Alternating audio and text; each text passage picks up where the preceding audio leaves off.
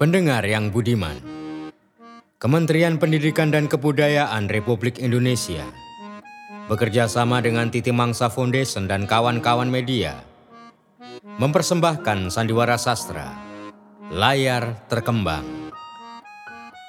Sandiwara ini merupakan alih wahana dari novel Layar Terkembang karya Sultan Takdir Ali Sahbana.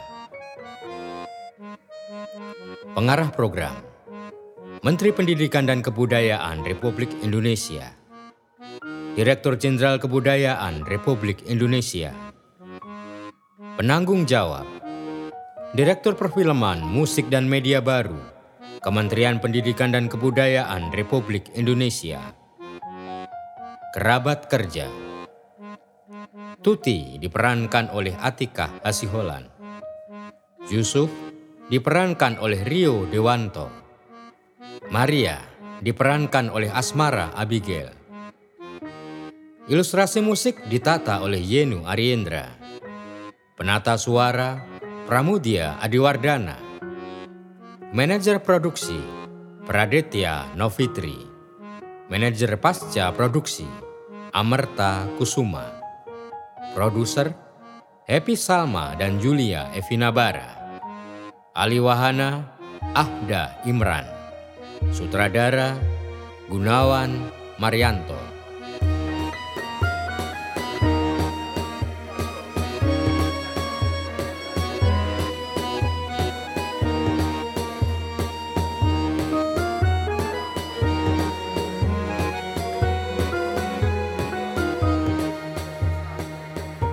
Semua berawal mula dari gedung akuarium di Pasar Ikan. Tempat di mana saya dan adik saya Maria mengenal Yusuf. Dia student sekolah tabib tinggi, Hennes Kundihe Hohe School. Ketika itu saya guru di HIS Arjuna di Petojo. Sedang Maria murid HBS Carpentier Alting Stichting, kelas penghabisan.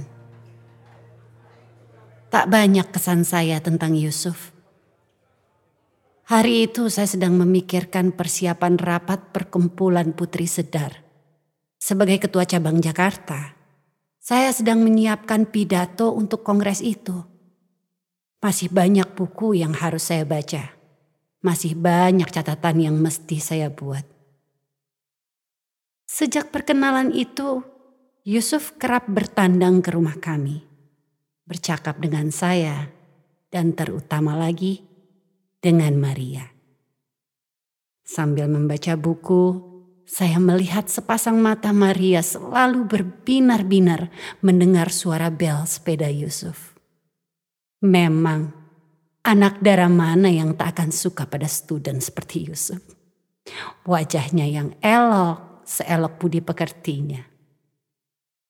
Oleh sebab itu, Bapak tak pernah keberatan melihat pergaulan kami dengan Yusuf. Apalagi Yusuf putra Demang Martapura, Sumatera Selatan. Yusuf cakap juga pengetahuannya. Bacaannya luas. Perhatiannya besar pada nasib dan masa depan bangsa pribumi. Yusuf aktif di perkumpulan pemuda baru. Perkumpulan itu sangat maju. Mempunyai cabang di banyak kota. Dalam percakapan kami bertiga, amat sering saya dan Yusuf bertukar pandangan tentang nasib kaum pribumi. Kaum tua yang masih berpandangan kolot dan feodal, kaum muda yang hidup dalam budaya modern sebatas kulit saja, juga perkara agama dan tahyul. Tak jarang terjadi perbantahan di antara saya dan Yusuf. Kami saling mengemukakan alasan. Bila sudah begitu, Maria hanya diam mendengarkan saja. Lenyaplah sifatnya yang periang tadi, berganti dengan perasaan bosan. Di luar perkara roman dan kisah percintaan, tidak ada hal yang menarik hati adik saya. Berlainan benar pekerti dua kakak beradik itu. Keduanya menarik hati dan perasaan saya, terutama pada Maria. Darah yang lincah, manja, gairah kemudaan yang menyenangkan. Kecantikannya yang memancar dari alam, bagai mengandung tenaga gaib yang mengirim banyak pesona ke dalam perasaan saya. Sesungguhnya Tuti berparas tak kalah cantiknya. Tetapi pada Tuti, saya lebih mendapati ketajaman pikirannya. Sikap dan perkataannya keluar dari timbangan akal sehat. Ia berpikiran maju, bersemangat besar memajukan nasib kaum perempuan. Tak ada lelaki yang tidak akan gentar berhadapan dengan Tuti. Perasaan saya begitu pula. Maria adalah pesona yang mengurung hati saya. Saya selalu merindukannya. Suatu ketika datang musim liburan. Saya berada di kampung halaman, di Martapura. Tuti dan Maria berlibur di rumah paman mereka di Bandung. Dalam jarak yang berjauhan itu, hanya Maria yang saya pikirkan. Lalu tanpa saya duga, dari Bandung Maria berkirim kartu pos juga surat. Kami berbalas surat. Maria makin menyiksa saya dengan rindu. Saya ingin segera lepas dari siksaan itu. Segera saya mengemasi semua pakaian untuk berangkat ke Bandung. Pagi hari saya menuju Liwa, kota baru, dan menyeberangi Selat Sunda. Memakai kereta api saya menuju Bandung. Pada bapak dan ibu, saya katakan saya harus segera ke Jakarta karena keperluan sekolah. Begini kiranya jatuh cinta dan rindu itu. Dusta menjadi kejahatan sekaligus keindahan. Di antara keduanya, saya menemukan sepasang mata Maria. Dia datang mengejutkan saya. Dia, Yusuf, yang membuat hati saya selalu tergetar. Perasaan apakah yang membawanya datang dari tempat sejauh itu? Apakah karena perasaan seperti yang saya rasakan? Mungkinkah? Ah,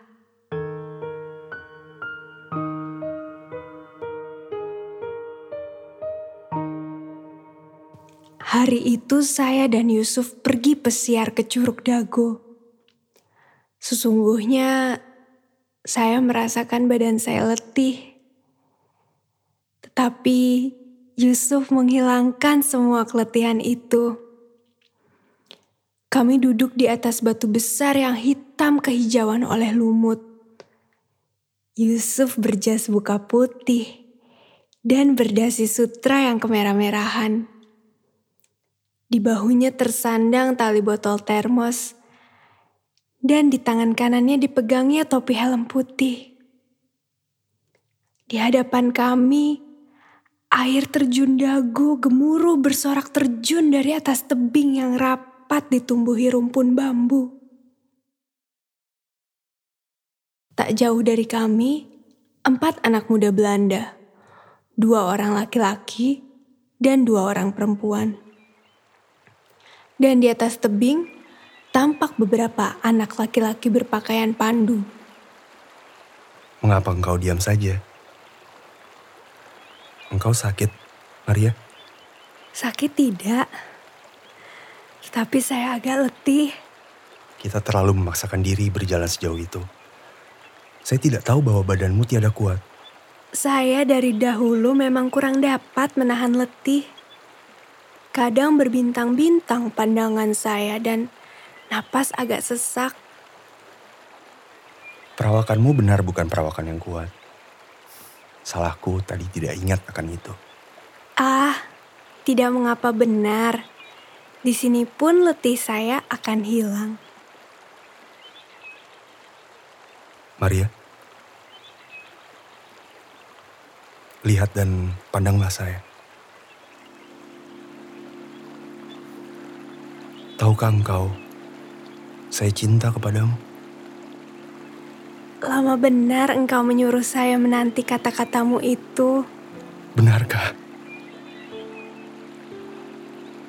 Saya hendak bicara, tapi bibir Yusuf sudah menutup bibir saya. Pelan dan lembut. Saya jadi terpejam.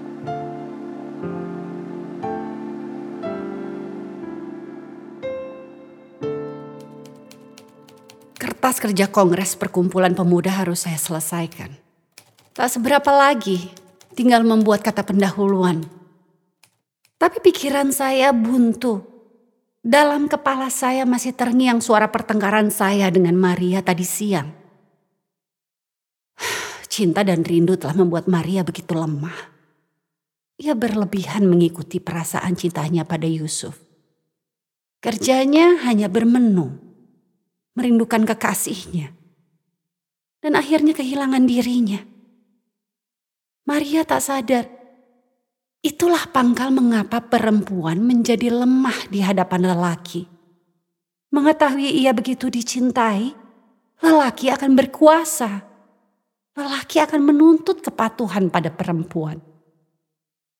Dengan kepatuhan itu, perempuan diukur kemuliaannya, lalu keduanya menikah dan perkawinan akan jadi akhir perjalanan seorang perempuan. Sahaya yang melayani tuannya, sang suami.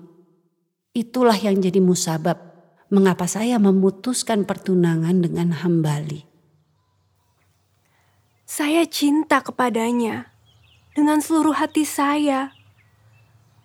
Biarlah saya mati jika harus bercerai dengan Yusuf. Saya percaya kepadanya. Saya tiada merasa hina menyatakan cinta kepadanya. Biarlah saya menjadi sahaya. Saya tidak takut. Engkau terlalu mengikuti perasaanmu, Maria. Engkau terlalu berlebihan. Inilah yang membuat perempuan jadi permainan lelaki. Lalu engkau, Tuti, cinta engkau seperti cinta perdagangan. Engkau tidak mau rugi sedikit pun. Engkau memandang lelaki bagaikan musuh. Engkau memuja martabatmu sebagai perempuan dengan pekerti yang sombong. Perkataan Maria yang terakhir itu berdentam-dentam dalam kepala saya. Meninggalkan kesepian yang sangat panjang. Entah mengapa kesepian itu makin saya rasakan setiap kali memandangi kemesraan Maria dan Yusuf. Saat keduanya berciuman di bawah sinar bulan. Saat keduanya bergandengan mesra. Maria sudah lulus dari sekolah HBS. Akan menjadi guru di HIS Muhammadiyah. Maria dan Yusuf sudah pula bertunangan. Saya tidak cemburu melihat kemesraan mereka. Tidak. Saya hanya tidak tahu mengapa mereka bisa memiliki perasaan semacam itu. Dan mengapa saya tidak bisa memilikinya. Berhari-hari kesepian itu menyiksa saya saya merasa begitu lelah, lahir dan batin. Apakah selama ini saya telah jadi budak dari apa yang saya yakini? Barangkali perkataan Maria ada benarnya. Cinta saya cinta perdagangan. Berlebihan menimbang martabat. Sangat bercuriga pada lelaki. Lalu saya menerima kehadiran Supomo kawan sesama guru. Lelaki baik, elok pekertinya, mendapat ijazah dari negeri Belanda. Di sekolah, Supomo selalu berusaha mendekati saya, mengajak saya bercakap-cakap. Suatu hari, ia berkirim surat, menyatakan cinta dan keinginannya menikahi saya. Hampir saya menjawab surat itu dengan kata ya. Tapi dalam diri saya muncul pertimbangan lain yang amat bengis dan ganas. Jika saya menikah dengan Supomo karena kegelisahan saya selama ini, bukankah saya sedang menghina arti perkawinan? Meski mendapat ijazah dari negeri Belanda, tapi kecakapan dan pengetahuan Supomo tidak juga melebihi saya. Dia hanya akan menjadi suami saya tidak bisa menjadi kawan yang setara. Jika semua lelaki tak bisa menjadi kawan, hanya bisa menjadi suami, biarlah seumur hidup saya tidak menikah. Dengan segenap maaf dan hormat, saya menolak pinangan Supomo.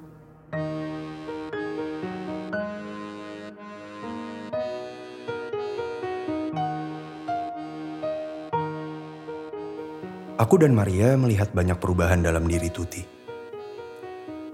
Warna pakaian dan gayanya berdandan. Maria sering menemukan Tuti sedang melamun. Pernah juga Maria mendapati Tuti sedang membaca buku Kortsmachler. Buku romantis tentang cinta. Buku itu milik Maria. Dulu dia selalu menghina kalau saya membaca buku itu. Tak apa, ada masanya seseorang membaca buku yang tidak sesuai dengan pendiriannya. Ah engkau selalu saja membela Tuti. Maria, jangan kau menyukarkan perjuangan batin yang dialami Tuti. Dia perempuan yang luar biasa. Gelombang besar selalu datang dari lautan yang dalam.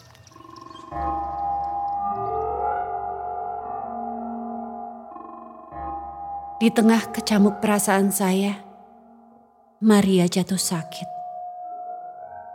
Berhari-hari ia berbaring di kamar. Tubuhnya amat panas. Siang dan malam saya menunggui dan merawatnya. Yusuf selalu datang menjenguk dan menghiburnya. Malaria dan TBC menyerang tubuh Maria. Berkali-kali Maria batuk darah. Setelah dirawat di rumah sakit pusat CBZ, dokter menyuruh kami membawa Maria ke rumah sakit TBC khusus perempuan di Pacet Cianjur.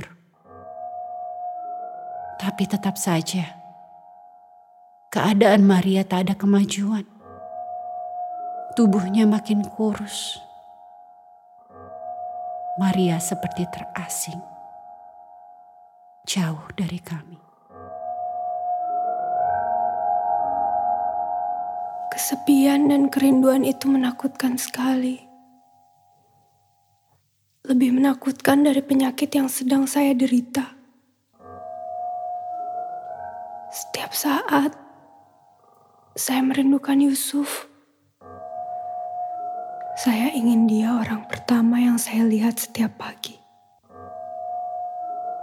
Orang terakhir yang saya lihat setiap malam sebelum saya terpejam. Sudah sebulan lebih saya berada di sini. Ada waktunya, setiap hari saya bertemu ayah yang sedang ada di Sindang Laya.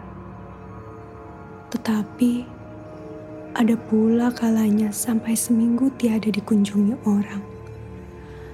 Sekali-sekali datang orang yang tiada disangka-sangka kenalan yang hendak mengunjungi salah seorang kerabatnya yang dirawat di rumah sakit ini. Hal itu membawa kegirangan yang tiada disangka-sangka bagi saya. Sejak dari semula, saya tahu bahwa di antara orang sakit yang banyak itu, saya masuk orang yang berat sakitnya. Kadang badan saya panas berhari-hari batuk-batuk memuntahkan darah.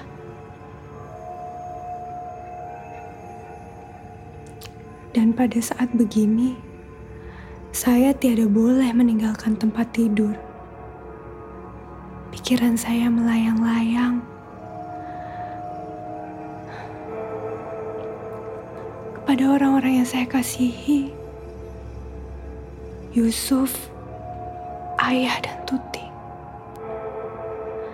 Kadang pula saya teringat akan ibu yang telah beberapa tahun berpulang. Saya hanya bisa mengangkat badan saya, melihat keluar jendela,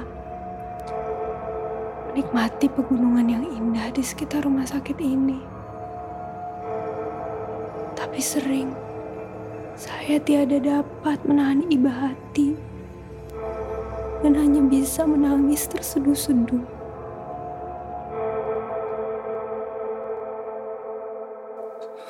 Saya teramat cemas dengan sakit Maria. Bayang-bayang buruk terus menghantui saya. Saya berusaha menepisnya, tapi tetap tidak bisa. Saya student kedokteran, tahu benar bagaimana ganasnya penyakit Maria. Bagai binatang buas, penyakit itu bersarang dan menggerogoti tubuh kekasih saya. Saya menyesal. Mengapa saya tak pernah tahu sebelumnya? Beberapa kali Maria mengatakan tubuhnya yang mudah lelah. Ketika saya hendak membawanya ke dokter, ia selalu menolak dan meyakinkan saya bahwa dia baik-baik saja. Saat itu saya menganggap keluhan itu semata cara Maria untuk bersikap manja pada saya.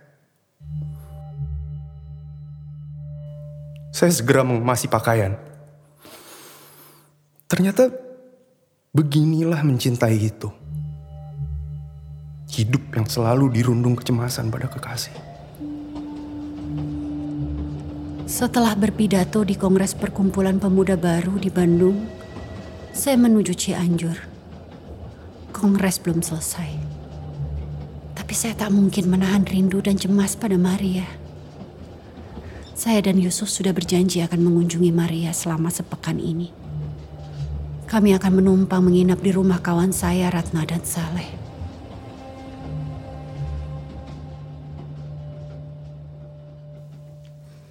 Senang sekali saya. Kekasih dan kakak saya setiap hari datang. Mengunjungi dan menemani saya. Besar sekali sayang dan kerinduan saya pada mereka berdua. Setiap kali datang, Yusuf dan Tuti selalu bercerita pada saya tentang Ratna, Saleh, suami istri pemilik rumah tempat mereka menginap. Suami istri itu memilih hidup sebagai petani di desa terpencil. Hidup dan bekerja bersama rakyat. Padahal mereka lulusan HBS dan aktif di perkumpulan pemuda. Ya, begitu seharusnya kaum muda berjuang. Perjuangan tak cukup hanya berkumpul dan berteori. Hidup manusia bukan definisi dari sebuah buku. Ah, engkau seharusnya ikut bersama kami, Maria. Karena itu, tenangkan pikiranmu agar secepatnya sembuh. Bahagia sekali saya mendengar cerita mereka. Tiba-tiba, saya membayangkan Yusuf dan Tuti bisa seperti Ratna dan Saleh. Yusuf dan Tuti akan bahagia sekali berjuang bersama. Saya mengetahui siapa Yusuf, kekasih saya, lelaki yang luas pengetahuannya, lelaki yang penyayang, dan saya tahu siapa kakak saya.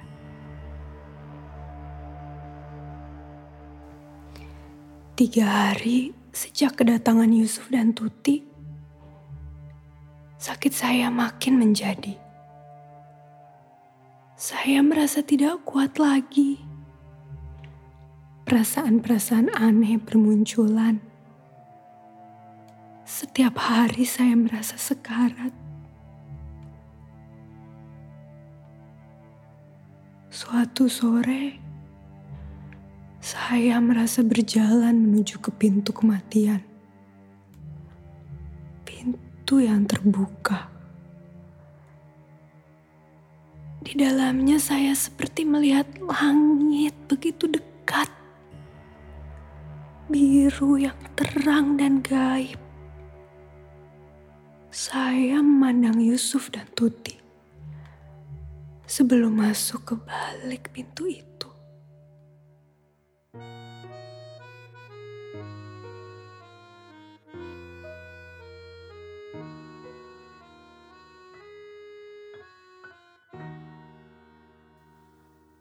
Hari ini adalah hari penghabisan bagi kami untuk mengunjungi Maria.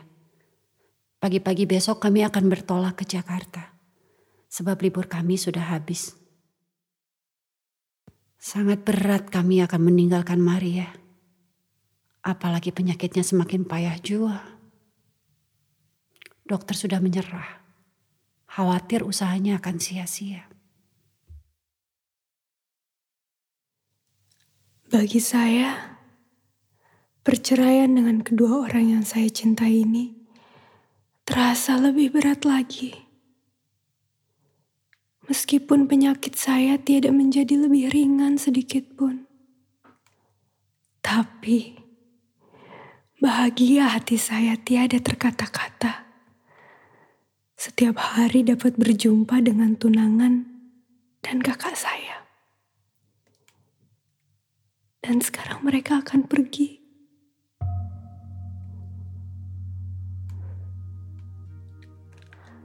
Dari tempat tidur, saya memandang ke jendela. Keindahan permainan warna di langit membuat kesedihan di dalam hati saya tiada tertahan.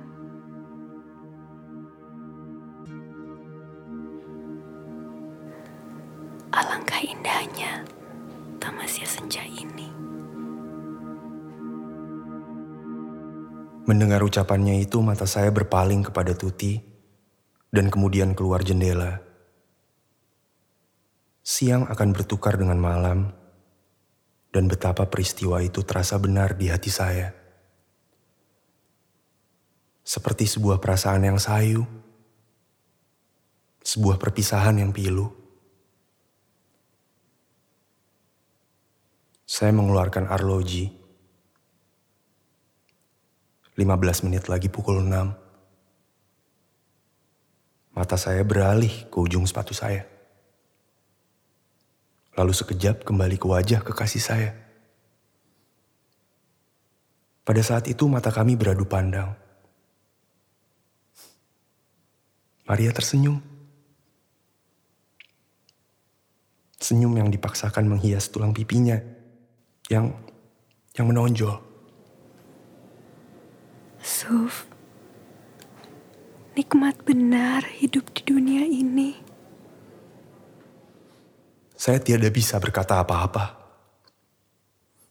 Apakah maksudnya dan mengapa ia berkata demikian? Maria, engkau mesti kuat. Engkau mesti girang selalu.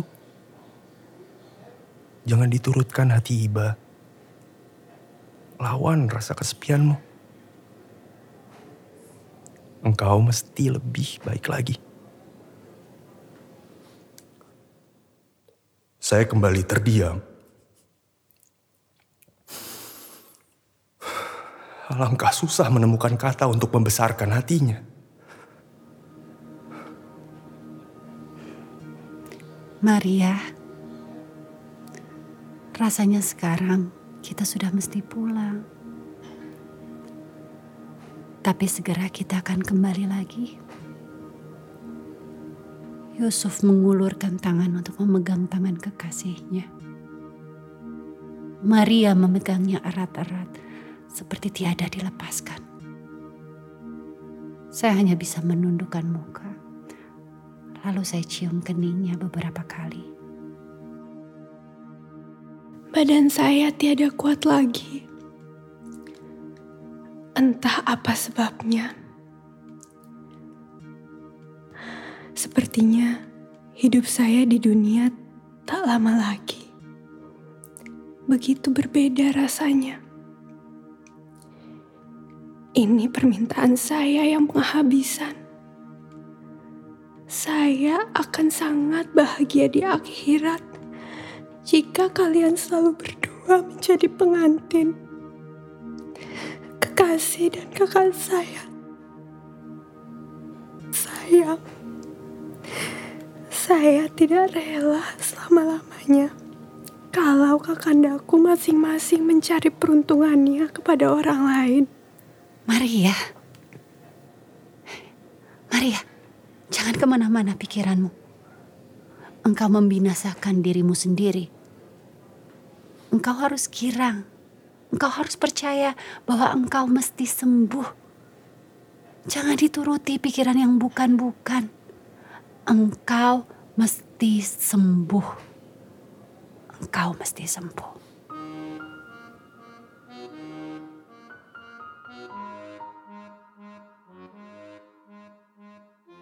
Waktu terus, terus berjalan. Kerisik gugur, gugur ke bumi. Dan pucuk muda memecah, memecah pula di ujung dahan. Alangkah lekasnya waktu berjalan. Begitulah, Maria meninggalkan saya dan Yusuf kematian yang membawa kami jadi sepasang pengantin. Apakah saya menerima Yusuf sebagai suami karena permintaan Maria? Apakah Yusuf menikahi saya hanya sebagai pengganti Maria? Tak semua pertanyaan menyediakan jawaban. Yang terang, selama sepekan di Cianjur kami berdua begitu dekat. Saya mendapati Yusuf sebagai lelaki yang menghargai saya kawan berpikir yang setara. Lelaki yang memiliki semangat dan cita-cita sama dengan saya. Lelaki yang selama ini saya lihat begitu menyayangi kekasihnya. Di depan pusara Maria kami berdoa. Pusara adik sayang. Pusara orang yang kami sayangi. Tuti. Hidup kita adalah bekerja, Yusuf. Jadilah selalu suami dan kawan saya. Begitu pula engkau. Terus, terus taksi yang kami tumpangi melancar. Berbelok-belok menurun ke bawah ke tempat kerja manusia di tengah-tengah perjuangan dengan sedih dan senangnya.